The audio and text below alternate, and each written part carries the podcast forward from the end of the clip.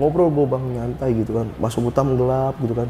Kayak hati ini ada perasaan takut juga gitu bang was was gitu ya. Gue gue juga ngebut bang kecepatan 80 kali itu gue gue bawa motor beat gitu kan. Ngebut tet. kaget gue bang. Di tengah jalan ada orang nyebrang. Ketabrak sama gue posisi gue lagi cepet tiba-tiba dia lari bang. Dua ketabrak. Berasa bang gue ketabrak pas ketabrak jebret gitu. Berhenti dong gue bang rem. Otomatis gue takut tuh orang kelempar apa gimana bang. Temen gue juga bilang weh. Kaget temen gue gitu kan kaget. Pas gue berhenti gue lihat ke belakang. Nggak ada orang bang. Salah satu dari yang orang ini bang orang yang di losbak ini nanya ke gue sama temen gue dari Jakarta iya dari Jakarta. Naik motor ini bertiga. Ah dia bilang bertiga bang. Sudah jelas-jelas gue berdua. Dia bilang bertiga. Gue bilang bertiga? Enggak sih berdua. Itu cewek. Cewek? Nggak ada cewek bang. Assalamualaikum warahmatullahi wabarakatuh. Balik lagi di besok pagi. Kali ini bareng gue Bang Mange. Pria gemoy tanpa bahan pengawet Sebelumnya gue sangat berterima kasih banyak buat teman-teman semua yang udah mensupport, menonton dan mendengarkan besok pagi hingga sampai saat ini. Semoga teman-teman semua yang menonton selalu diberikan kesehatan oleh Tuhan yang Maha Esa nih. Pada kesempatan momen kali ini gue masih menghadirkan narasumber nih. Dan narasumber gue pada malam kali ini adalah seorang yang pernah mengalami kejadian horor nih ketika sedang berjalan-jalan di daerah salah satu daerah yang menurutku cukup angker juga sih. Oke lah langsung aja kita sapa narasumber gua pada malam kali ini. Selamat malam Bang Boni. malam bang Mange Apa kabar nih Bang Boni? baik banget bang Mange Sehat alhamdulillah ya? Kayaknya sehat udah lama banget kita gak pernah ketemu nih. Oh, Udah iya. setahun lebih ya? lumayan Lumayan ya? Iya. Terakhir itu ketemu di bulan September eh. wah masih tahun-tahun lalu lupa lah bulannya bang September tahun dulu ya. Iya. 2021. iya 2021 betul Sekarang udah tahun 2023. iya Udah lumayan juga ya. iya lumayan Lo kan sempat ke tempat wisata nih di Iya. pantai yang ada di Sukabumi ya. iya bang Dan lu sempat memotret foto ya. iya gua foto gua di foto Iya. Tapi yang menurut gua aneh pas udah jadi lu yang nggak ada cuma itu itu pantai dia, doang. bang gue juga heran gitu Iya, dan di mana banyak kayak spekulasi tentang orang-orang pintar di sana itu hati-hati. iya hati-hati karena ada beberapa tempat yang emang kita nggak boleh foto di sana katanya Oh iya, Gitu. iya. Dan ternyata bener ya, nggak secara langsung pas lu pulang ini, lu mendapatkan buat teror iya di jalur Cikidang. betul di Cikidang Karena bang kita ketahui bahwa saja jalur Cikidang itu emang nggak disarankan nih untuk berjalan atau dilalui jalan itu di malam hari ya. iya betul banget bang Pastinya gokil banget ini cerita Iya. lu pada malam kali ini ya. Iya, Bang. Kayaknya kita skip aja dulu nih. Siap. Buat nantinya, oke. Nah, lu simak video ini sampai habis nih teman-teman semua. Dan lu tetap ambil sisi positifnya dan buang jauh buruknya. Dan bagi teman-teman semua yang pengen menjadi narasumber di sini, lu bisa langsung aja di DM ke Instagram besok pagi. Ada di sini. Mau nggak mau, suka nggak suka, bahwa hal gaib itu ada di sekitar kita. Tanpa berlama-lama lagi, langsung aja kita masuk ke ceritanya.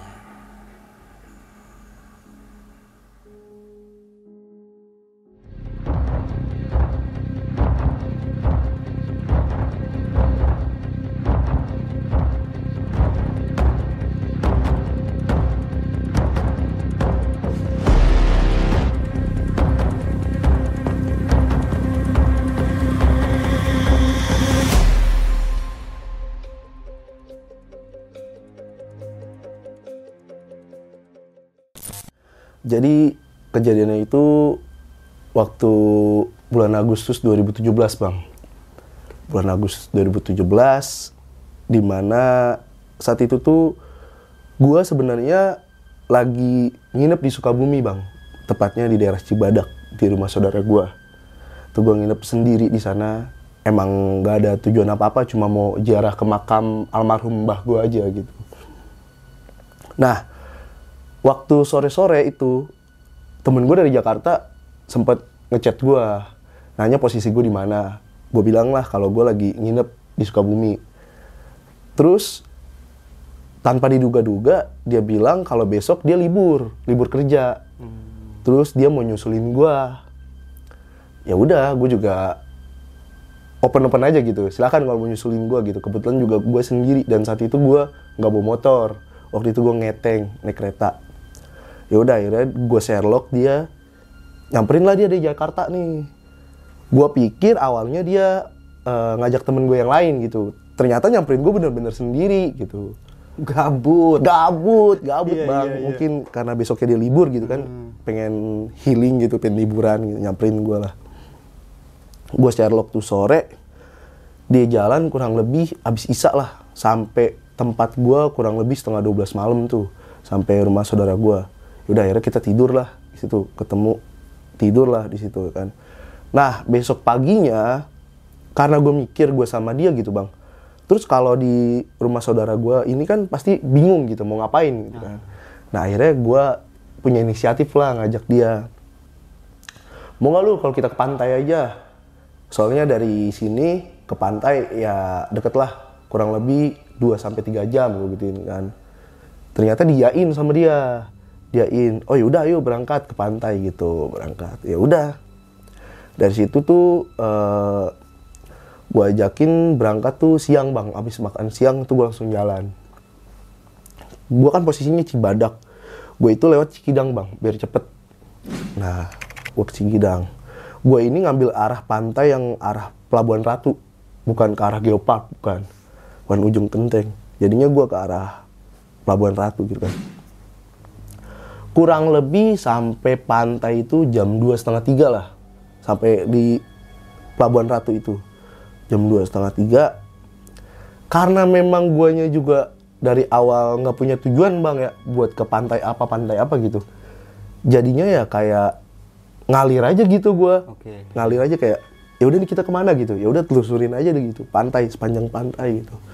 Nah akhirnya gue jalan lagi tuh dari arah Pelabuhan Ratu ini ke arah ini bang. Karanghau ke sana tuh mau arah Sawarna. Jalan terus ke sana. Sampai akhirnya gue ketemu pantai namanya Ciki, Cikembang Cikembang. Oke. pantai Cikembang. Akhir- akhirnya itu kan pantai agak turun gitu bang ya. Karena jalanan kan di atas gitu di atas bukit. Pantainya agak turun. Gue lihat dari atas itu bagus bang.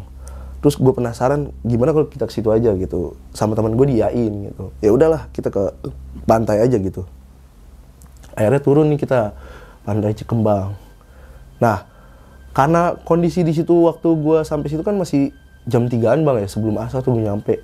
Pasti panas bang panas. Jadi gue nggak ke pantainya tapi gue lebih ke warung di sisi pantai ini loh. Ada warung-warung tuh bang. Yaudah gue duduk di warung aja situ ngadem gitu kan. Adem-ngadem segala macem. Udah nih udah selesai gitu. Terus temen gue dia sempet tuh foto-foto gua gua di warung dia sempet tuh kelilingan di pantai Cikembang ini foto-foto. Dia bilang sama gua kayaknya kalau kita foto dari atas bukit cakep gitu. Bagus dia bilang gitu. Kata gua di atas bukit. Ya masuknya dari mana? bang gitu kan. Dia bilang ya nggak tahu ke mana. Akhirnya dari situ gue istirahat sebentar ya cuma setengah jam lah situ tuh. Keluar lagi bang gue keluar pantai. Gue keluar pantai ke arah atas bukit. Sampai akhirnya gue nanjak terus itu gue nanjak yang ke arah arah Sawarna tuh. Tapi kan ada bukit tinggi itu bang. Nah di ujung bukitnya ternyata ada warung bang. Ada satu warung. Ada satu warung ya menurut gue itu lokasinya strategis lah. Karena benar-benar di ujung bukit tuh view-nya langsung pantai bang bawahnya tuh. View langsung pantai. Bagus lah bang gitu. Nah warung ini cuma satu terus dia tuh di sisi-sisinya tuh ada saungnya gitu loh bang. Yang langsung view-nya ke pantai. Akhirnya gue berhenti di situ. Duduklah gue di situ. Duduk. Ada foto-foto. Gue foto-foto gue ngopi gue makan mie gitu kan di situ. Nah tiba-tiba sama si mamang yang ini yang jaga warung ini dikasih saran bang. Ah kalau mau foto-foto lebih baik di atas aja. Di atas lebih bagus. Gue pikir kita udah di paling atas gitu bang. Karena kan itu pinggir jalan dan itu di atas bukit paling atas gitu menurut gue tuh. Ternyata sama dia disuruh ke atas lagi. Gue tanya kan. Mang emang kalau di atas ada apa? Gitu. Dia bilang di atas ada villa a. Cuma udah nggak dipakai kata dia gitu. Kalau foto di sana bagus. Tamu-tamu saya saya suka saranin foto di sana. Terus gue pikir karena di atas itu villa berarti punya orang dong bang ya kan? Punya orang dan di benak gue ya harus izin dulu kan? Gue bilang terus kalau mau foto di atas sana izinnya sama siapa mang? Kata si mamang nggak usah izin nggak apa-apa itu yang jaga saudara saya gitu. Katanya saudaranya yang jaga. Terus gue tanya dong ini kalau mau ke atas kita naik apa mang? Naik motor? Nggak bisa naik motor jalan jalan kaki di sini nyebrang ke atas tuh gitu. Emang ada kayak jalan setapak gitu loh bang dari batu-batu gitu sama tanah-tanah. Akhirnya ya udah lu ya udah di situ gue putusin buat coba ke atas gitu coba lihat view. Siapa tahu lebih bagus gitu bang viewnya buat foto. Gue bilang bang saya tinggal di sini ya motor nitip gitu nggak apa-apa kan? Iya nggak apa-apa silakan aja gitu. Akhirnya gue sama temen gue naik ke atas bang waktu gue ke atas tuh agak melipir ke bukit gini bang. Jalan itu agak melipir gini muter. Pas gue ke atas bener paling atas tuh ada villa bang. Villa gitu ada pagarnya halamannya tuh luas. Cuma gue lihat itu villanya tuh udah terbengkalai banget sih bang. Kayak udah hancur bang. Udah temboknya udah pada rubuh bolong-bolong Kayak gitu udah bang. kerawat gitu. Mm-mm. Nah, pikir gue di atas ada yang jaga gitu kan, saudaranya si Mamang tadi gitu.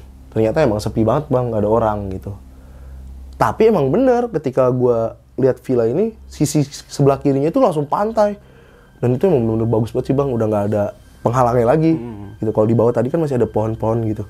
Di bawah ini, di atas ini nggak ada apa-apa lagi gitu. Ya udah, dari situ akhirnya gue foto lah buat ini apa eh, coba ngambil foto tapi gue nggak masuk dalam nggak masuk dalam villanya karena nggak enak nggak izin gitu kan bang. Ya udah. Gue nyamping doang bang nyamping ke, ke arah sisi kiri tuh yang langsung viewnya ke landscape pantai gitu kan. Nah gue di ujung gue ngambil foto bang di situ. Temen gue bilang gini lu aja foto duluan gitu. Gue fotoin kata dia gitu. Gue bilang oh yaudah ayo fotoin gue kata gue gitu. Nah di sini nih bang. Waktu gue foto sekali nih di foto temen gue jebret gitu kan jebret yang namanya kita foto berarti kan kita kepo bang ya ngeliat hasilnya dulu ya kan Iya. kalau bagus baru kita cari gaya lagi cari angle lagi gitu kan Kalau jelek ulang lagi. Nah, iya maksudnya gitu kan. Pengen lihat dulu lah hasilnya sebelum foto lanjutnya gitu kan. Waktu gue mau lihat foto gue, sama temen gue nggak dikasih. Temen gue bilang gini, udah ntar aja, ntar aja gitu. Coba dia dia langsung saranin, coba deh bikin video nih. Gue bilang, hah video, video apaan? Gue bilang gitu kan. Terus gue ingat kalau ternyata tuh waktu gue ke sana kan bulan Agustus, pertengahan Agustus itu pacar gue yang udah jadi mantan itu ulang tahun bang. Oke. Ya pikir gue sekalian aja ya bikin video ngucapin ulang tahun gitu kan. Akhirnya gue bikin lah situ bang video ucapan ulang tahun buat pacar gue gitu. Pas gue bikin set ya nggak nyampe 5 menit sih nggak ada. Cuma paling semenit dua menit. Udah tuh bang. Dikat sama dia videonya. Gue tanya gimana? Bagus gak hasilnya? Di situ dia pucat bang mukanya bang. Temen gue mukanya pucat pas gue gini kenapa lu? Gue muka lu pucat nggak apa-apa. Coba sini gue liat videonya. Dia langsung bilang nggak usah nggak usah. Baterai gue low gitu. Padahal sebelum gue ke atas ini yang tadi gue foto di bawah di warung si mamang baterai dia masih full bang gue tahu. Masa tiba-tiba di atas dia bilang low gue bilang wah nggak beres nih anak kata gue gitu kenapa? Gue bilang gitu. Coba dong lihat. Ada dia udah nggak usah.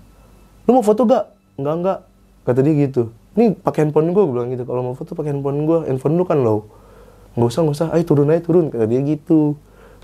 Udah dari situ temen gue ngajakin turun bang. Tapi sebelum gue turun itu pas gue mau ke arah turun kan gue di samping villa gitu ya di sisi villa bang pas gue lewat depan villa itu gue kaget. Kita berdua ngelihat ada orang masuk ke villa. Cepet gitu bang masuk seret gitu kan. Gue bingung kan siapa tuh gitu. Akhirnya gue bilang sama temen gue coba lihat deh siapa. Temen gue bilang nggak usah. Temen gue udah udah dengan muka pucetnya gitu kan panik gitu kan. Gue bilang ayo lihat dulu. Gue bilang gitu lihat dulu. Gue pengen mastiin itu orang bukan gitu. Masalahnya secepat itu bang lewatnya dan kalaupun orang masa sih dia ngeliat gue di situ diem aja gitu kan? Iya. iya. Akhirnya gue cobalah ngelongok-ngelongok bang. Dari luar aja sih dari luar luar pagar. Karena kan dari luar juga udah kelihatan gitu bang ke dalam. Villanya itu kan udah setengah hancur bang ya. Jadi ya kayak bangunan unfinishing gitu loh.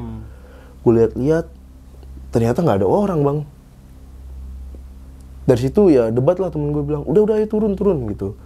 Akhirnya kita turun nih turun sampai warung si mamang di situ ya udah gue nggak bahas soal foto itu karena yang di benak gue ya apa temen gue low gitu. Walaupun gue tahu sebelumnya baterainya dia penuh tapi ya gue nggak jadiin perdebatan lah gitu. Cuek. Nah di situ udah mulai sore tuh bang. Udah sekitar jam 5 lah gue ngobrol-ngobrol di situ kan.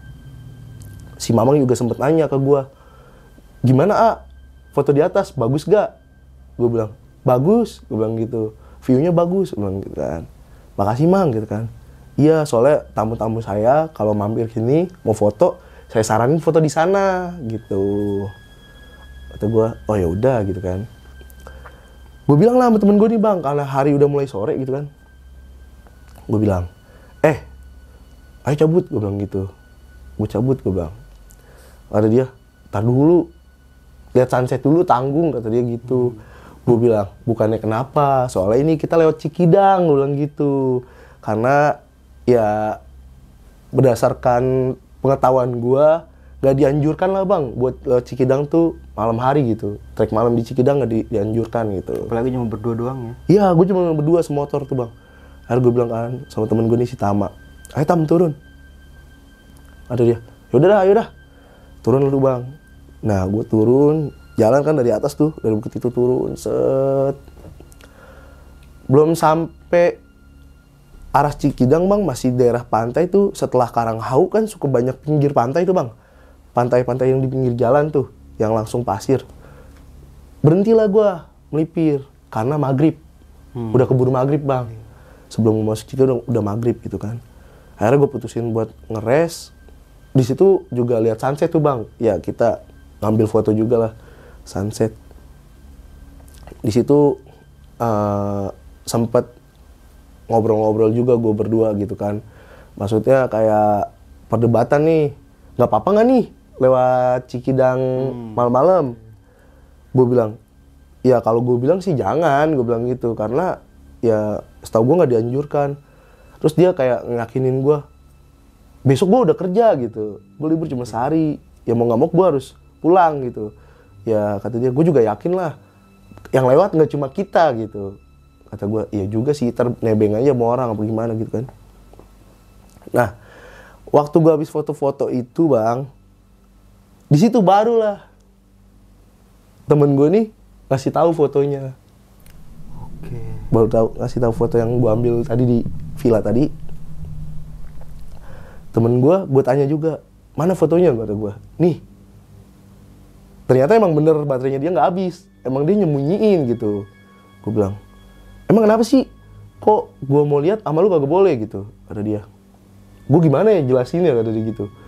Lu lihat sendiri deh gue takut kata dia gitu. Waktu gue lihat yang pertama kali muncul itu kan videonya bang. Karena yang terakhir diambil video kan. Hmm. gue tonton lah videonya bang. Kaget gue bang. Karena di video itu guanya nggak ada. Oke. guanya nggak ada tapi suara gue kerekam. Jadi itu view-nya tuh bener-bener langsung ke pantai. View-nya langsung ke pantai suara gue kerekam tapi guanya nggak ada. Bukan backlight bang. Bener-bener nggak ada. Langsung pantai kayak nggak ada gue di situ. Padahal udah jelas-jelas dia ngerekam gue bang. Aneh menurut gue gue bilang guanya mana itu dia ada temen gue itu dia makanya gue bingung. Kok lu nya nggak ada gitu. Pantesan gue ngeliat muka dia pucat gitu kan. Hmm, nah habis itu gue swipe lah. Gue lihat nih foto gue kan dia sempet foto gue juga tuh. Sama bang. Di foto guanya nggak ada. Dia kayak orang moto pantai dari bukit doang gitu. Padahal jelas-jelas dia moto gue guanya nggak ada. Baru di situ gue berdua nge-freeze gitu bang berdua. Diem ya kan bengong kayak nggak tahu harus ngomong apa gitu bang. Kayak nggak percaya aja gitu. Kok bisa? Dia foto gue tapi nggak ada guanya gitu. Nah di situ ada beberapa tukang makanan kan bang. Nah akhirnya di pinggir jalan tuh kita makan somai lah di pinggir pantai tuh. Kan somai dengan wajah yang masih kebingungan gitu. Masih bingung sama apa yang kita alamin gitu kan. Terus mungkin si tukang somai ini notice gitu kan nanya lah dia.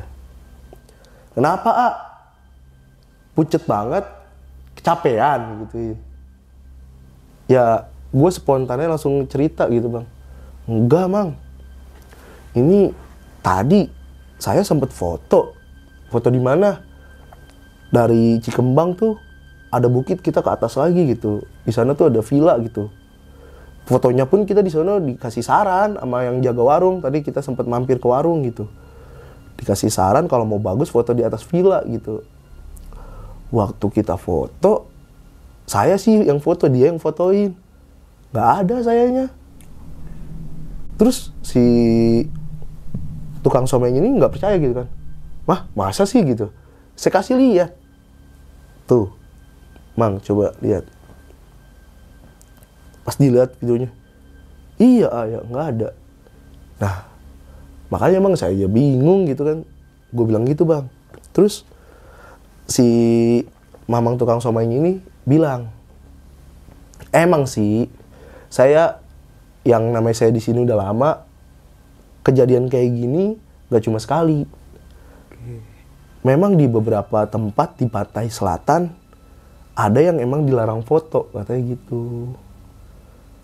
Kejadian kayak gini gak cuma sekali dan biasanya yang ngalamin kejadian kayak gini udahannya pasti ada yang kenapa-napa bang. Entah yang fotoin atau yang difoto. Lah gue makin panik dong bang. Ah yang bener aja bang gitu. Ya berdoa aja. Semoga nggak apa-apa gitu. Ya gue diem kan gue nggak tahu harus ngapain bang ya. Mau ngapus juga gue takut gitu bang. Hmm.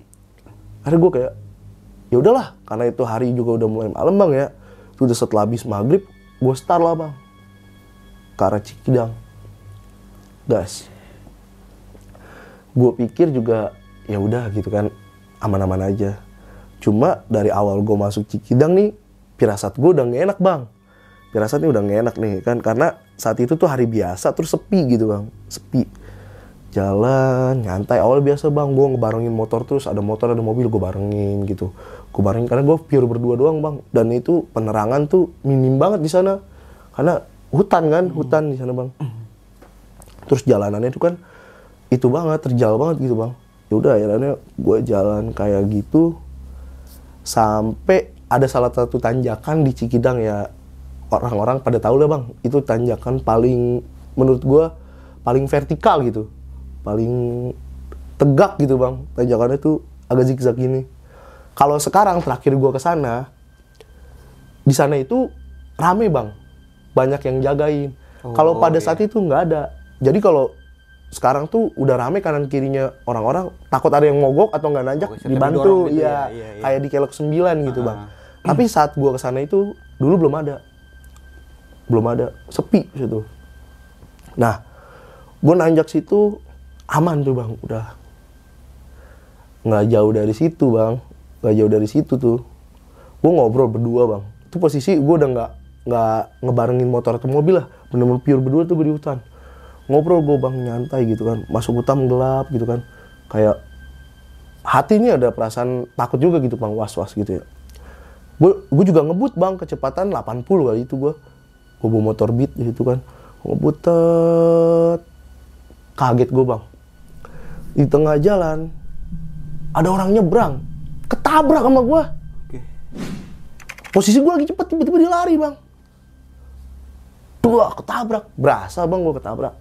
Pas ketabrak jebret gitu. Berhenti dong gue bang rem. Otomatis gue takut tuh orang kelempar apa gimana bang. Temen gue juga bilang weh. Kaget temen gue gitu kan kaget. Pas gue berhenti gue lihat ke belakang. Nggak ada orang bang. Bengong gue yang tadi gue tabrak siapa padahal jelas-jelas bang yang namanya gue lagi naik motor gini kan fokus ya fokus itu orang lari bang buah tabrak gitu sama gue bener-bener orang wujudnya orang gitu tapi pas gue nengok gak ada padahal berasa bang namanya motor nabrak kan berasa hmm. bang Iya. Nabrak kucing aja, eh nabrak kucing atau tikus berasa ya? Iya, gajulkannya berasa kita kan. Iya ini nabrak orang, dar berasa bang. Apa sampai ngerem gue kaget. Emang motor gue nggak jatuh tapi ya sempet ngerem. Gue nengok kanan kiri nggak ada. Dan posisinya itu emang hutan bang. Kanan kiri gelap banget. Lah mana orangnya gue gituin kan? Gak ada. Terus temen gue bilang, udah jalan aja, jalan aja temen gitu. Temen gue panik bang, gue yang bawa motor kan. Temen gue panik, udah jalan aja, jalan aja, jalan aja bon. Gitu. Ah ya udahlah gue jalan bang gue jalan tet gitu kan gue jalan gak nyampe dari situ bang mogok motor gue mogok motor gue panik dah gue bang. Kebayang nggak itu? Berdua doang gitu bang. Di track yang emang gue tahu masih jauh gitu dari peradaban gitu. Berdua doang kayak wah bingung lah nih gimana ya? Nggak mungkin gue bang dorong dorong motor. Kalau jalanannya kayak di kota mah aman gitu ya. Tinggal lurus doang iya ya? landai mah enak. Ini kan naik turun bang jalannya. Dorong juga wah berasa juga bang nyari bengkel ya nggak mungkin bang ada bengkel gitu kan. Udahlah. Pada saat itu gue coba dorong. Gue juga nggak mau stay doang bang berdua. Pas lampu eh pas motor mati otomatis penerangan kurang bang ya kan. Tadinya kan gue penerangan cuma satu-satunya lampu motor ini kan. Ya udah motor mati lampu nggak ada. Di situ gue nyalain handphone pakai blitz sudah bang. Takut karena ada mobil atau motor dari atas nabrak tiba-tiba ya kan. nggak ngeliat gue gitu kan. Ya udah penerangan gue dibantu center aja. Jadi nandain kalau ada gua lah ada gua gitu. Kayak gitu gue dorong tuh bang. Wah capek juga bang. Adalah rombongan nih bang anak-anak motor. Anak-anak motor dia kayak touring berapa motor ya? Empat atau lima gitu. Sendiri-sendiri mereka tuh. Itu gue palang bang. Ah ah ah ah ah bantuin dong ah gue bilang gitu kan. Motor saya mogok kak? Bilang gitu kan setutin deh setutin terus akhirnya mereka mau nyetutin. Tapi mereka bilang mereka lagi ngejar waktu nggak bisa nyetutin sampai ke kota gitu. Paling cuma sampai perkampungan aja gitu yang ada orang gitu kan. Ya udah. Akhirnya disetutin nih bang gue temen gue duduk di bangkunya di motor yang nolong ini. Nih gue disetutin gue di motor gitu emang set. Kalau nggak salah 15 menit lah disetutinin tuh ngobrol-ngobrol juga. Mereka tuh ternyata dari Bogor. Orang Bogor orang deket. Cuma mereka lagi pada ngejar waktu gitu. Nah gue itu dianterin bang ke ada salah satu pemukiman lah. Pemukiman itu belum desa itu bang. Masih pemukiman orang jarang gitu. Dianterin ke situ bang. Waktu gue dianterin ya gue juga berharapnya di situ ada kehidupan dulu lah ya kan. Seenggaknya ada yang bisa nolongin gue di situ kan. Ada bengkel mana ya? Iya, minimal kalau nggak ada bengkel ya ada orang lah bang gitu. Seenggaknya gimana? Air situ, gue berhenti di pemukiman, itu langsung dia ninggalin gue. Itu gue bilang makasih ya kan. Dari situ adalah pemukiman beberapa rumah orang nih, terus juga ada kayak warung-warung tutup gitu bang. Gue samperin, ada bapak-bapak di situ kan. Gue bilang Pak, mohon maaf nih, motor saya mogok gitu. Di sini bengkel paling deket di mana ya Pak? Wah Mas, kalau di sini bengkel tutup jam 5 digituin. Di sepanjang jalan ini nggak ada yang udah jam segini itu posisi udah jam 8 setengah 9 bang. Gue bilang, wah terus gimana ya Pak? Motor saya mati nih. Terus si bapak-bapak ini bilang, Mas saya bawa kunci-kunci nggak? Dicek aja motornya matinya kenapa? Wah saya bawa kunci-kunci cuma nggak lengkap pak. Bapaknya ada kunci-kunci ada. Akhirnya udah mau nggak mau di situ gue sempet bongkar motor bang ngecek gua ngecek karburator gua ngecek aki semua. Kayak busi segala macem. Aman semua bang. Cuma lucunya motor nih dinyalain nih bang kayak nggak ada pengapiannya. Padahal kelistrikannya bagus gitu kan. Di sela juga nggak bisa. Kata gua motor kenapa? Sampai si bapak-bapak ini juga bingung. Kayak motornya nggak apa-apa. Kok nggak nyala ya. Bingung kan kita gimana? Gitu kan. Akhirannya si bapak ini bilang coba masnya mau ke mana? Gitu. Saya mau ke kota dulu deh pak. Yang penting saya ke kota dulu ya kan? Nggak mikir ke Jakarta dulu deh. Yang penting sampai kota kan di sana enak bang. Ya kan kalau udah di keramaian kan enak gitu. Motor mati masih enak lah. Kita bisa ke mana-mana gitu bisa ngeres. Dianterin lah sama dia ke tetangganya. Jadi tetangganya ini bang suka ini loh suka ngedrop ngedrop kambing gitu bang ke pasar di kota. Jadi kata dia siapa tahu temennya tuh mau nganterin gitu bang. Tetangganya tuh mau nganterin. Akhirnya disamperin lah gue pas gue ke situ ternyata tetangganya lagi sakit. Nggak bisa nganterin gue kata gue gini gimana? Ya kan. Bingung gue akhirnya gue sempet lama tuh bang diem di situ lama. Terus gue ditinggal juga sama si bapak itu. Si bapak itu pulang akhirnya Udah gak bisa bantuin lagi. ya? Iya nggak bisa bantuin jadi kayak gue juga hampir putus asa ya gimana di tengah jalan gitu. Sempet kan bang ada halu lalang mobil motor gitu bang, mobil juga mobil pribadi biasa gitu. Gue minta tolong nggak digubris. Ya mereka juga bingung kali nolonginnya gimana gitu kan di hutan gitu yang jauh dari peradaban. Terus itu udah nih bang, jalan lah gue, gue jalan, tet jalan lagi. Itu bener-bener gue dorong bang motor, gue dorong, gue dorong. Nah, gue jalan nih gue dorong motor bang temen gue di belakang nih dorong behel motor gue dorong setang nih kan jalan pelan pelan nih tiba-tiba temen gue bilang gini ini kopi siapa tumpah di jaket lu jaket gue jadi ada kopi gitu bang kotor Padahal gue ngerasa nggak nggak ngopi, nggak ada tumpah-tumpahan apa. Tadi kan dari tadi juga dia kan sama gue gitu temen gue nih bang. iya, iya. Temen gue nih sama gue gitu. Dia selalu di belakang gue. Masa setelah gue dari situ dia baru lihat kalau di belakang gue ini ada ngopi. Padahal gue selama di perkampungan tadi gue nggak nyender. Posisi gue berdiri terus, kebingungan gitu. Tiba-tiba ada kayak orang nyiram kopi gitu loh bang. Banyak sini basah jaket gue. Ini kopi siapa kata dia gitu. Lah kopi. Pas gue buka jaket gue, iya ada kayak bekas kopi gitu bang, kayak bekas kopi dilempar. Bingung kan gue di situ kan. Wah apaan gitu kan ya bingung dah tuh kayak ya udahlah nggak usah digubris gitu. Nggak usah digubris jalan aja jalan. Lu jalan lagi nih bang. Di situ ya gue berhentilah lagi. Di posisi warung tutup bang. Warung tutup karena gue capek gitu kan warung tutup. Sebelum lanjut ke cerita, untuk kalian yang ingin menjadi narasumber di besok pagi dan mempunyai cerita horor dalam pendakian, kalian bisa kirim cerita kalian ke Instagram official besokpagi.idv atau melalui email besokpagi.ch@gmail.com. di situ gue sempet berhenti di warung tutup. Nah temen gue nih sempet gedor-gedor warungnya bang. Berharap yang punya warung bangun karena gue tuh juga aus banget bang. Aus dorong motor jauh bang. Udah keringetan abis lah. Ternyata mungkin yang punya warung tidurnya nggak di situ nggak di warungnya kan? Jadi itu warung belum kosong. Ya udah gue diem dong bang. Berharap apa ya? Berharap minta dibantu juga gimana gitu kan? Ada ke- keajaiban yang datang ya. Iya. Iya. Adalah bang satu motor gitu, satu motor jalan dari atas nih bang ke arah pantai gitu kan. Dia mau ke arah pantai, kupalang bang, kupalang, bang bang bang. Jadi tuh pikir gue tuh gini lah bang, eh, minta anterin ke bengkel dulu lah gitu. Maksudnya nggak apa-apa nih di motor dia gitu, gimana? Intinya gue berhenti dulu lah, karena gue di situ gue udah bingung nih mau harus ngapain gitu kan. Dicek juga motor nggak apa-apa gitu kan akhirnya berhenti. Ya motor kan set gue palang. Jadi tuh gue palang motor ini juga gue bingung bang. Bingungnya gini gue minta tolong apa ya? Gitu. Iya. iya karena nggak mungkin juga dia mau nyentutin gue bang. Ya, karena dia juga sendiri gitu kan. Terus ujung-ujungnya nggak apa bang? Ketika dia udah berhenti kenapa a? Ditanya gitu kan. Jawaban gue cuma bilang ke yang motor ini bang. A punya minum nggak? Ujung-ujungnya cuma minta minum bang bener kata gue ih udah udah saking bingungnya gitu ya ini gimana lagi gitu kan.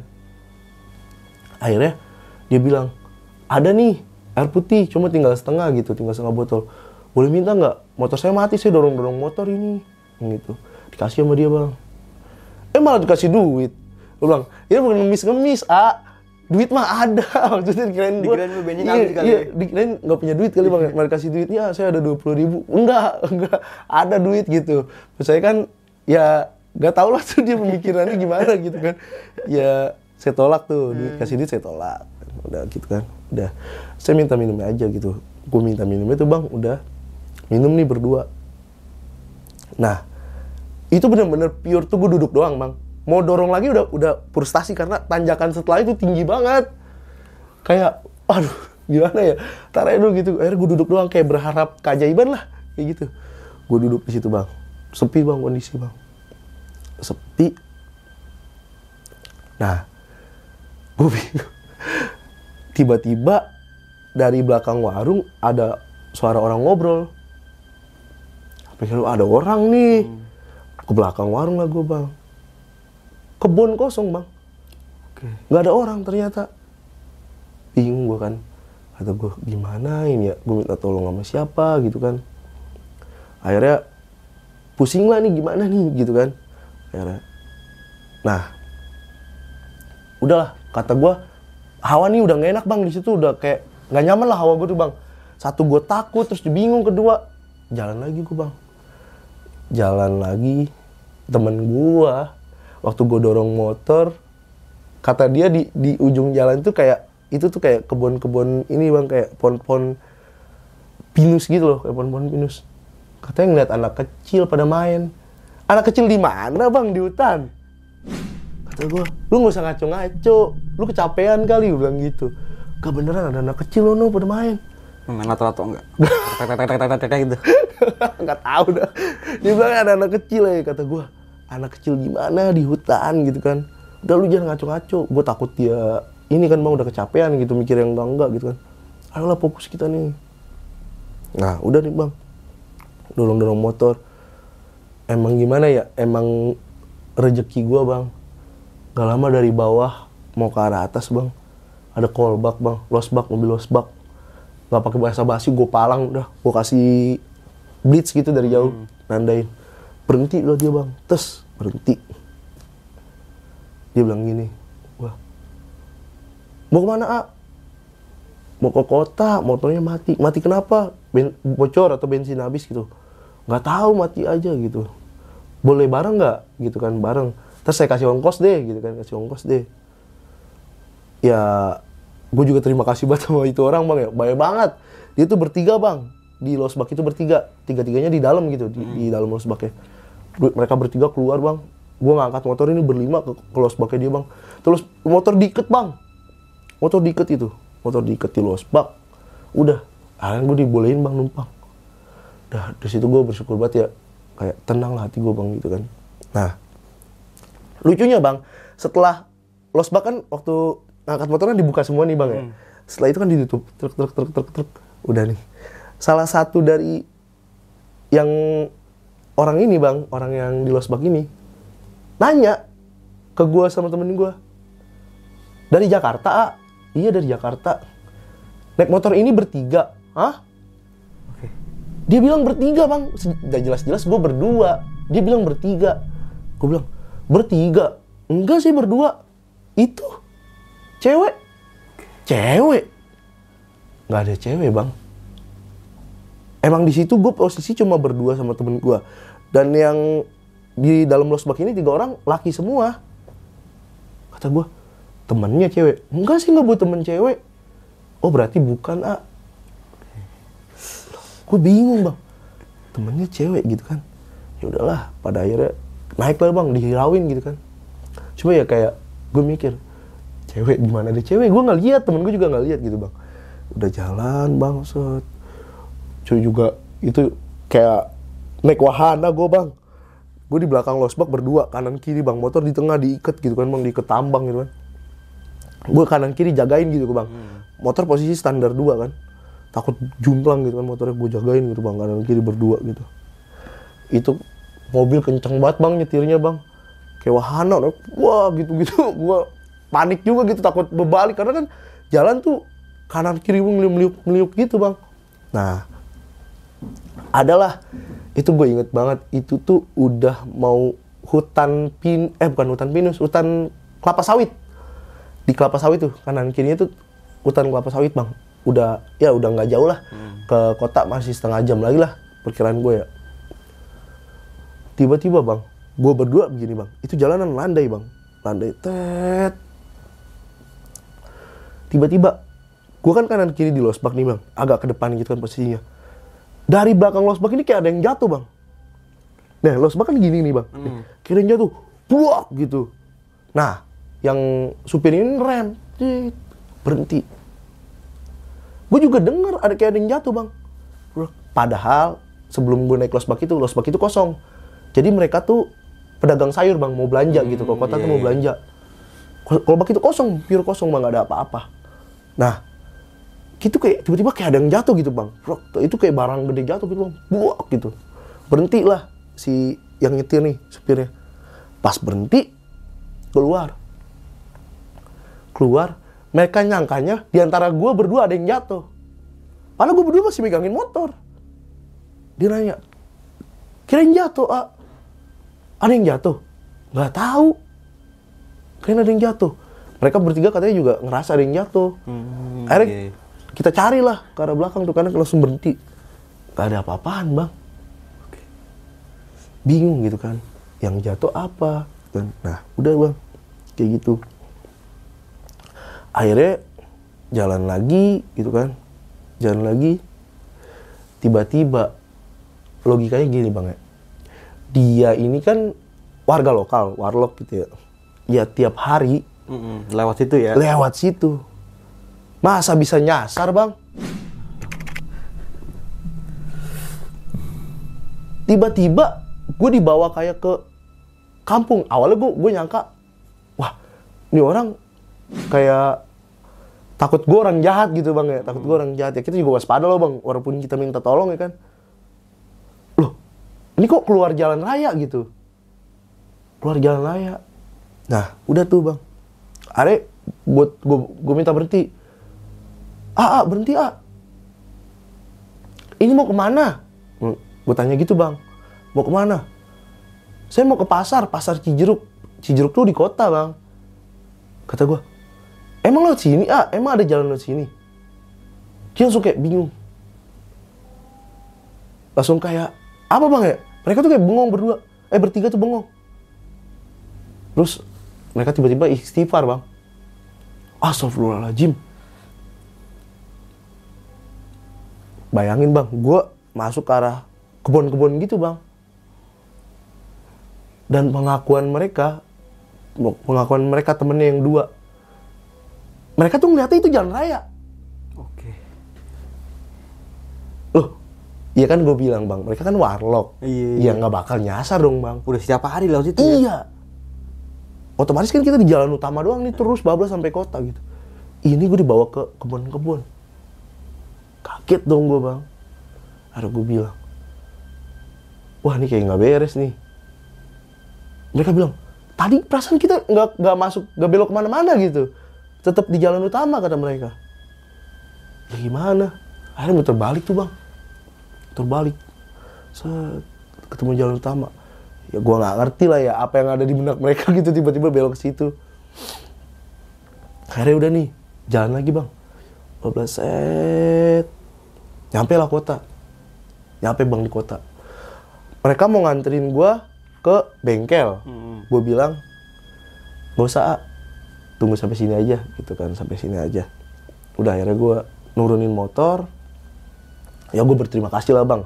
Kalau nggak ada mereka ya gua nggak tahu gitu kan. Bisa nasib gue gimana bisa gitu. tidur di hutan lu. nah itu dia bang. Berdua. Kalau ada penginapan masih mending gue minggir. Ini nggak ada bang. Gitu kan ya udahlah dari situ akhirnya gue berterima kasih. Nah sempet tuh bang. Gue kasih uang lah nggak enak gitu bang ya. Kasih uang ditolak sama mereka. Mereka bilang nolongin gue ikhlas gitu. Ya bersyukur banget bang gitu. Masih ada orang baik gitu di tengah kondisi yang emang gue butuhin banget. Akhirnya udahlah dari situ. Mereka jalan duluan tuh pamit. Jalan tuh mereka. Gue dorong motor. Temen gue bilang gini coba bisa nyala nggak? Ya gue ketawa bang kita udah nyalain setengah mati nggak nggak nyala ya kan? Iya. tiba-tiba masa mau nyalain. Temen gue ya kali aja gitu kan. Tapi ya bener bang gue nyalain. Nyala tuh motor. Oke. nyala bang. Itu motor nyala. Bayangin gue bilang lah kok ini motor nyala? Ya udah. Itu posisi tuh udah malam banget bang. Udah jam setengah satu tuh gue sampai kota tuh karena di situ gue mikir nggak memungkinkan untuk gue ke Jakarta. Akhirnya gue nginep lagi bang di rumah saudara gue subuh baru baru berangkat jadi istirahat doang gitu bang. Iya. subuh baru berangkat arah Jakarta. Akhirnya gue, gue rumah saudara gue udah deket lah dari situ ke Cibadak tuh deket. Jalan gue ke Cibadak aman bang. Motor nggak ada trouble nggak ada apa. Nah waktu sampai di rumah tante gue bang. Tante gue itu buka pintu dengan kondisi kaget. Astagfirullah dari mana? Gituin dari pantai. Masuk dulu masuk dulu. Kayak nggak biasa gitu. Padahal dia tahu gue dari pantai. Cuma dia masih nanya dari mana? Gitu. Udah tuh bang. Masuk gue bersih bersih bersih bersih bersih. Eh, tante gue ini sekeluarga mereka orang bisa lah bang. Ngerti spiritual gitu cuci kaki bersih bersih udah gue suruh duduk. Cerita kenapa gitu? Tiba-tiba gue ditanya kenapa? Ya gue cerita cuma yang motor gue mati gitu kan karena gue pikir gue ya udah motor mati gitu di Cikidang. Terus mereka bilang untung bisa nyampe kota ada yang nolongin. Kalau enggak gimana gitu? Kan ya udah. Nah barulah bang gue ceritain tentang ini nih bang apa namanya? Yang foto sama video itu ya? Iya. Oh iya, posisinya bang, waktu gue ke tempat tante gue ini bang, temen gue udah sakit, muntah-muntah. Temen gue tuh muntah-muntah bang. Jadi pas sampai kota itu, temen gue udah lemes banget bang. Udah muntah-muntah, kata gue ya positif thinking, bahwa ini orang kecapean gitu kan. iya. Naik motor, mulai udah pucet apa. Ini waktu gue nyalain motor, tuh udah, posisinya udah sakit bang. Makanya gue bilang nggak memungkinkan untuk ke Jakarta, gue nginep dulu ke tante gue. Nah, kondisi temen gue sakit nih bang, muntah-muntah, apa lemes banget bang, lemes. Kayak orang nggak punya gairah hidup gitu kan. Udah, ke tante gue gue ceritain. Tante gue bilang, kalau ini nih ditutupin. Jadi gue foto ditutupin. Emang sama penunggunya nggak boleh foto di situ. Dia nggak suka tempatnya dibuat foto gitu bang. Ya gue nggak ngerti lah ya. Itu bahasa orang spiritual gitu. Akhirnya diputusin buat ngapus foto itu sama video. Ngapusnya pun nggak tinggal ngapus bang. Harus ada ya bacaan-bacaannya gitu. Hmm. Iya di- dibikin syarat gitu sama mereka tuh didoain-doain gitu. Nah endingnya tuh gue berdua ininya gue dikasih minum, gue dikasih minum, didoa-doain gitu kan, baru bisa dihapus. Nah gue suruh tidur, gue bilang kan gue mau pulang subuh gue nggak tidur, tapi disuruh tidur bang, suruh tidur. Nah pas tidur ini bang, padahal gue tidur cuma berapa jam ya? gue tidur tuh nggak lebih dari tiga jam bang. Gue tidur kondisi jam satu setengah dua lah bang. Gue tidur nggak nggak nggak lebih dari tiga jam. Itu tuh gue ngimpi serem banget bang. Ngimpi. Emang beneran ngimpi gitu bang. Jadi tuh gue tidur kan bener-bener capek kan tidur langsung setelah itu. Gue tidur. Itu gue ngimpi gue masih di pantai bang Di pantai yang kemarin itu berarti ya? iya Yang, masih di yang, yang siang itu, pantai itu. nggak tahu pokoknya inti gue di pantai Oh, masih di bukan. pantai Iya, iya. jadi posisinya gue di pantai aja gitu gue berdiri di pantai di mimpi gue bang suara ombak tuh kedengeran banget itu suara tuh berasa banget bang gue jadi gue mimpi ini kayak setengah sadar gitu bang masih masih setengah sadar gitu nah tiba-tiba ada orang datang nyamperin gue orang datang pakai baju putih laki-laki. Dan kondisinya mohon maaf matanya jereng bang. Pakai baju putih matanya jereng. Dia nepuk gua dari belakang. Nepuk gua gua nengok. Ditanya sama dia ke sini mau jalan-jalan kan? Gue bilang iya saya mau jalan-jalan. Sini saya anter diantar bang. Dan waktu diantar itu sumpah bang gue ngeliat hal-hal yang serem banget. Gue ngeliat ada pantai di mana tuh banyak batu karangnya bang. Banyak batu karangnya. Di situ kayak ada wah bentukannya macam-macam bang. Kayak setan gitu tapi gak ngerti bang kayak apa ya. Setengah badannya buaya setengahnya orang. Gitu terus kayak ada ular palanya orang. Kayak macem-macem lah bang bentukannya tuh. Di mimpi itu. Tuh kayak gue bilang gitu bang sama yang ngajak gue nih. Udah udah saya nggak mau lihat gitu saya nggak mau lihat gitu. Ada udah.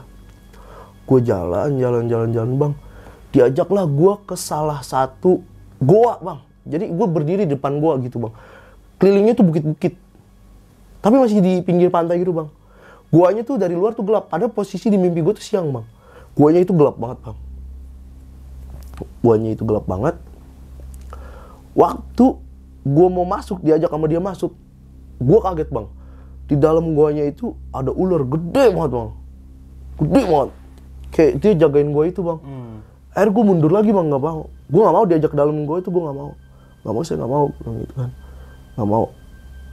Nah akhirnya dia bilang kamu pasti suka saya ajak ke sini. Diajak lah gue bang kayak ke atas gunung gitu bang. Di atas gunung itu bawahnya itu bang pantai. Tapi gue nggak ngerti bang ya. Gue nggak ngerti. Di pantai ini bang banyak orang. Tapi pada sujud. Kayak orang muja-muja gitu bang kayak pemuja gitu. Bang ini orang kenapa gitu kan dari jauh tuh gue liat kayak gitu. Nah terus gue tuh dibilang ya kalau ini kaum kaum yang apa kaum kaum yang udah ikut sama sama dia gitu. Di benak gue berarti gue bakalan jadi kayak gitu dong. Ya gue nggak mau lah gue bilang nggak mau saya mau pulang gitu kan. Nggak mau saya mau pulang. Mau pulang mau pulang kata dia ya udah tapi kamu harus ketemu ini dulu ya gue ngerti sih dia nyebutnya apa kayak kayak pemimpinnya lah gitu bang. Diajak lah gue bang ke salah satu apa ya kayak kayak petilasan gitulah. Petilasan nih mimpi gue tuh bang. Gue takut banget bang supaya itu gue masih inget sampai sekarang bentukan apa ya wujudnya gitu yang di gue lihat di mimpi gue kalau lu tahu bang di film dulu tuh ada film di TV Nyiblorong namanya bang. Hmm, iya. nah itu bang gue nggak tahu itu beneran Nyiblorong atau bukan tapi persis banget bang. Sama yang digambarin di TV. Pegang tongkat. Dan itu perasaannya pas ketemu dia tuh dia ngeliat gue bang kayak narik gitu bang. Kayak gue nih ketarik tarik gitu bang. Nah di situ tuh gue teriak-teriak nggak mau gitu bang nggak mau tapi kayak ketarik tarik kata nah ending itu gue dibangun sama temen gue lu kenapa? Gituin. Gue bangun tidur kaget gitu bang. Lu kenapa? Nggak mau nggak mau nggak mau nggak mau jadi katanya gue tidur tuh bilang nggak mau nggak mau gitu bang Hmm, kayak ngigo gitu ya. Mm-mm. Kayak gitu. Nah, gak jelas itu kan kayak gitu. Akhirnya gue cerita lah ke tante gue bang. Tante gue subuh udah bangun, dia mau sholat subuh gitu kan. Gue cerita, kalau gue semalam mimpi kayak gitu. Terus tante gue bilang, sebelum pulang mandi dulu. Gue bilang, gak mau. Kata gue mah, dingin bang ya, dingin. Karena kan kita nggak biasa gitu kan mandi dingin-dingin gitu kan. Hawa di sana kan dingin. Gak mau. Ada dia harus mandi. Pas itu gue mau mandi bang, itu gue mandi tuh pakai ini sih air kembang gitu bang. Iya, Ya, kayak ritual gitu ya. iya disuruh mandi itu gue. Akhirnya gue mandi bang. Gue nggak nanya itu buat apa buat apa. Ya udah, temen gue juga. Itu gue udah udah mau terang itu sekitar jam lima setengah enam, cabut gue ke Jakarta. Dan lucunya ketika gue mau cabut ke Jakarta bang, temen gue seger. Padahal kan semalam dia sakit. Lemes banget. Temen gue seger bang. Kayak orang nggak ngalamin sakit, nggak ngalamin capek. Gue juga nggak ngerasain badan gue yang capek semalam gitu bang. Ya semalam kan gue dorong-dorong motor tuh capek banget kan bang. Nggak ngerasain itu. Kayak biasa aja gitu ya. Iya, kayak gitu ya. fresh aja lagi. Iya. Padahal secara istirahat gue nggak cukup bang, cuma Iya. beberapa jam doang. Ya kurang lebih gitu sih bang ceritanya. Akhirnya lu sampai ke rumah dengan selamat berdua ya? Nggak ada, Selamat. nggak ada kejadian apa-apa lagi tuh? Nggak ada. Pulang. Gak ada. Wah, gokil banget sih ini buat cerita lu. Jalan-jalan berujung petaka ya. Itu dia bang kayak nggak nyangka aja. Apalagi sampai diimpin kayak gitu gitu bang. Iya, di endingnya itu ya. Cepet cepet Iya, memimpin itu ya. pas lu tuh? bilang pernah nonton TV yang acara nyiblorong Iya. itu sama kayak gitu. Iya wujudnya sama, tapi gue nggak tahu itu nyihi blorong atau bukan. Tapi wujudnya yang gue lihat itu bang. Nah, nih Bon. Hmm. Tapi lo kapok ke sana lagi? Enggak. Enggak. Nggak kapok. Tapi lu si- pasti sering lagi nih eh, silaturahmi Iya, tapi gue ya? kalau ke rumah tante ya udah pasti bang ya karena Hmm. saudara gitu kan pasti rutin. Terus kalau gue ke pantai ke daerah Pelabuhan Ratu khususnya atau daerah Sukabumi sana kan, gue nggak pernah ke villa yang itu lagi, Oke. nggak pernah. Yang tempat lu dulu sih Iya, karena tuh. karena gue takut ya, Heeh. karena kan ya bisa apa ya, bisa kok bisa kayak gitu gue juga sampai sekarang nggak nyangka bang, gue foto nggak ada guanya gitu kan. Iya iya. Itu Kayak- yang sayangnya fotonya dihapus ya. Iya. Tapi gue pernah bang setahun setelahnya itu gue pernah ke Pantai Cikembang gitu, ke Pantai Cikembang yang gue datengin. Ternyata warung si Mamang ini udah nggak ada. Udah nggak ada, udah dijadiin mau dijadiin kayak resort atau apa gitu nggak ngerti. Itu pun posisinya di atas tuh dia. Iya Tapi waktu. bagus view viewsnya itu ya. Iya itu bagus View di ya, situ. Di atas Iya. itu. Iya. Dan lebih bagus lagi yang pas di villa mungkin. Iya villa itu karena dia paling atas bang. Oke. Nah, Nah, gitu. tapi lu nggak sempat nanya-nanya lagi nih tentang si akang-akang itu yang di tukang warung? Enggak, enggak ada. kabar ya? Nggak ada. Nggak ada sih bang. Waktu gua ke sono, kan gua ke sono 2017 tuh yang berdua sama teman gua si Tama. Next 2018 gua ke sono sama temen-temen gua ramean ke Cikembang lagi. Iya.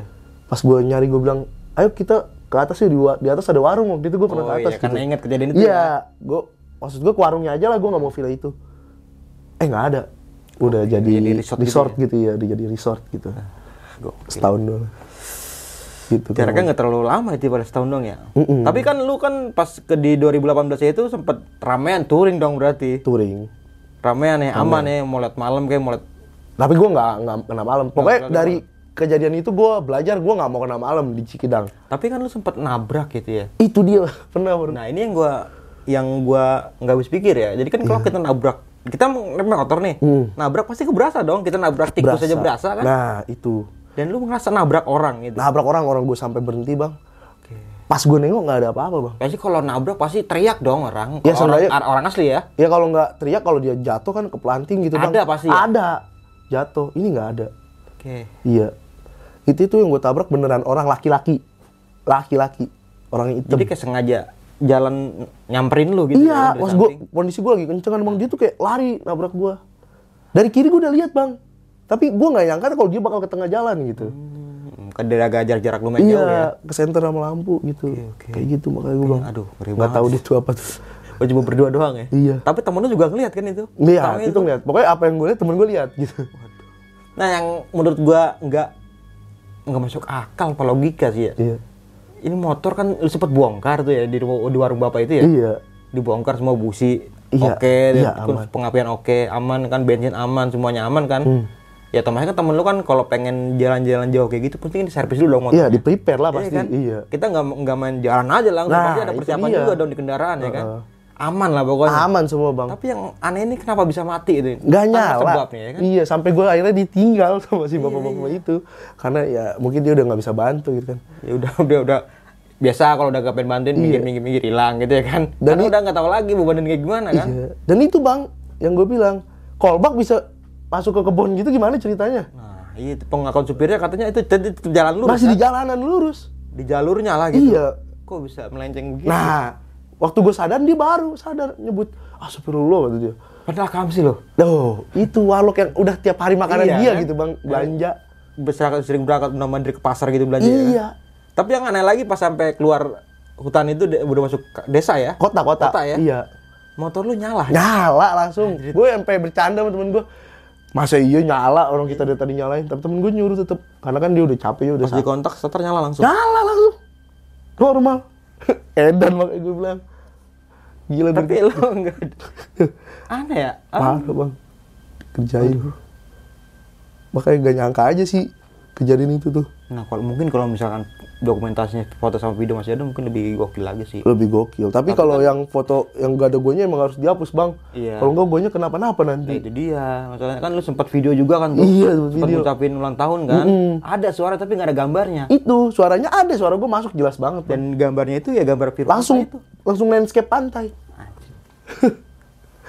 Yang kayak gitu kata gue mah ya cuma mitos doang ternyata fakta bang nyata Hmm. Tapi gue juga kalau kayak gitu kan nggak mungkin kita bisa viral kayak gitu. Iya. Pasti ada iniannya lah ketentuannya. Jadi kan pas pulang temen lu sempat muntah-muntah. iya kayak gitu sakit Dan kalau capek misalkan lu capek berdua dong sama temen lu. Mm-mm. Tapi Gua sama nggak. lu doang. iya dan itu lucunya setelah gue mandi di rumah tante gue jadi seger lagi iya kayak gitu Tapi gua gua nggak habis pikir deh sama temen lu yang pas moto yang langsung pucat gitu mukanya. iya wah gue nggak tahu. Kalau gue jadi dia mungkin gue ngalamin hal yang serupa gitu. Paniknya kayak apa gak tahu gitu. Tapi pas di rumah nggak cerita, nggak cerita cerita lu sama dia si Tama itu. Dia ngalamin hal apa aja. Tapi emang sama yang lu lihat juga dia juga dia lihat. Yang gue lihat dia lihat pasti. Gitu. Sama. Yang ada orang masuk villa juga lihat dia. Sama lihat. Gitu makanya tetap diambil sisi positifnya aja sih Bon. ya. Iya gitu. Iya, jadikan pelajaran sebuah Hmm. pelajaran ini. Mungkin kenapa di jalur Cikidang itu nggak boleh dilalui di malam hari mungkin. Kita Hmm. kalau berpikir positifnya ini nggak ada bengkel di malam hari kan tadi katanya bengkel cuma jam 5 Iya. Mungkin doang. sekarang ada kali bang ya, mungkin, Mungkin sekarang ya. ya. karena makin rame kan Iya, sekarang. mungkin. Karena kan itu akses utama kan buat Iya. ke buat ke pantai sana kan. Iya, mungkin positifnya ya itu bang, karena treknya terjal, Hmm, bahaya minim ya. penerangan ya kan, bahaya gitu. Makanya nggak diwajibkan buat jalan malam. Iya nggak dianjurkan malam gitu. Dan sisi negatifnya ya banyak banget pasti ya. Iya kayak gitu. Yang nampak-nampak kayak gitu wajar namanya di hutan ya kan. Iya, kan emang udah terkenal bang banyak kejadian di sana tuh. Iya. Tadi salah satu tanjakan yang tinggi banget itu Itu iya tanjakan yang vertikal itu tuh bahaya. tanjakan Emen bukan bukan ya? Bukan itu di Garut bang, Bandung. Oke nih Bon, thank you banget nih Bon lu udah pengen berbagi pengalaman perjalanan lu nih. Sama-sama, di Bang. Besok pagi nih. Nah, sebelum mengakhiri video kali ini punya pesan-pesan nih buat teman-teman semua nih. Ya buat temen-temen semua ya baik lagi bang ya. Saya cuma bilang kalau kita jalan ke mana gitu bang bertamu ke tempat orang ya tetap paham etika gitu pelajarin ya apa aturan-aturan di sana gitu. Jangan main seenaknya terutama kan ya mulut dijaga gitu kan. Terus ya kalau buat ke mana-mana gitu hindari ya ngelarang-larang pantangan lah bang. Iya, benar-benar. pantangan misalkan dianjurkan di jalan ini nggak boleh dilewatin malam ya lebih baik jangan gitu. Jangan kalaupun emang terpaksa ya harus banyak pertimbangan gitu kurang lebih itu aja sih bang Oke. Mungkin itu aja nih dari gua Bang Mange nih dan juga Bang Boni ya. Iya, Bang. Thank you banget di Bon. Sekali lagi thank you Bang. sama-sama bang Gua pamit undur diri sampai jumpa di video-video selanjutnya. Assalamualaikum warahmatullahi wabarakatuh.